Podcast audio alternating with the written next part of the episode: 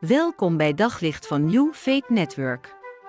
Luister elke dag naar een korte overdenking met inspiratie, bemoediging en wijsheid uit de Bijbel en laat Gods woord jouw hart en gedachten verlichten. Bijna dagelijks kun je in de media wel iets lezen over seksueel misbruik.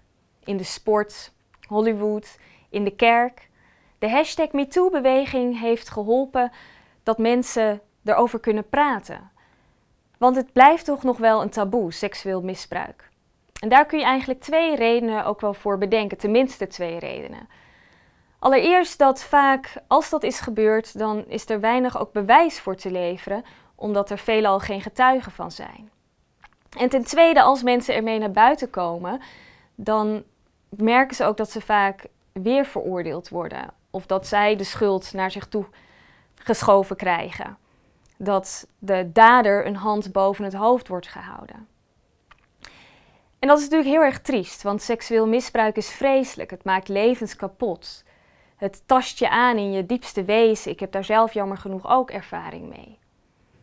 En juist daarom is het zo belangrijk om erover te spreken, dat het niet taboe is. En juist de Bijbel kan ons daarbij helpen. Bijvoorbeeld het verhaal van Tamar en Ammon. Tamar is de halfzus van Ammon en hij is vreselijk verliefd op haar. Denkt hij, hij begeert haar. En dan met een list laat hij haar bij zich roepen. Hij doet alsof hij ziek is en hij stuurt iedereen weg in die kamer. En dan grijpt hij haar vast en verkracht haar.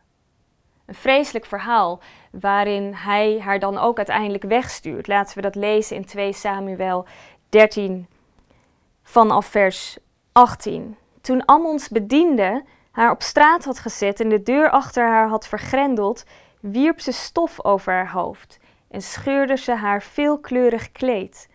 Ze greep naar haar hoofd en liep jammerend naar huis. Daar vroeg haar broer Absalon haar: Is Ammon je te nagekomen? Zwijg dan, zusje, hij is je broer. Je doet er beter aan het te laten rusten. En Tamar bleef voortaan bij haar broer Absalom, van het leven afgesneden. Het wordt dus in de doofpot gestopt. Absalom zegt tegen zijn zusjes: zwijg er maar over. En ook koning David, die het te horen komt, zegt: zwijg er maar over. Maar ja, daar vaart niemand wel bij. Levens zijn vernietigd. En ik hoop juist dat we met de Bijbel deze verhalen ervoor kunnen zorgen dat we juist wel over dit thema gaan spreken. Want het is ongelooflijk belangrijk dat het stopt en dat we slachtoffers ook die ruimte geven. Op zoek naar nog meer geloof, hoop en liefde. Op New Faith Network vind je honderden christelijke films, series en programma's.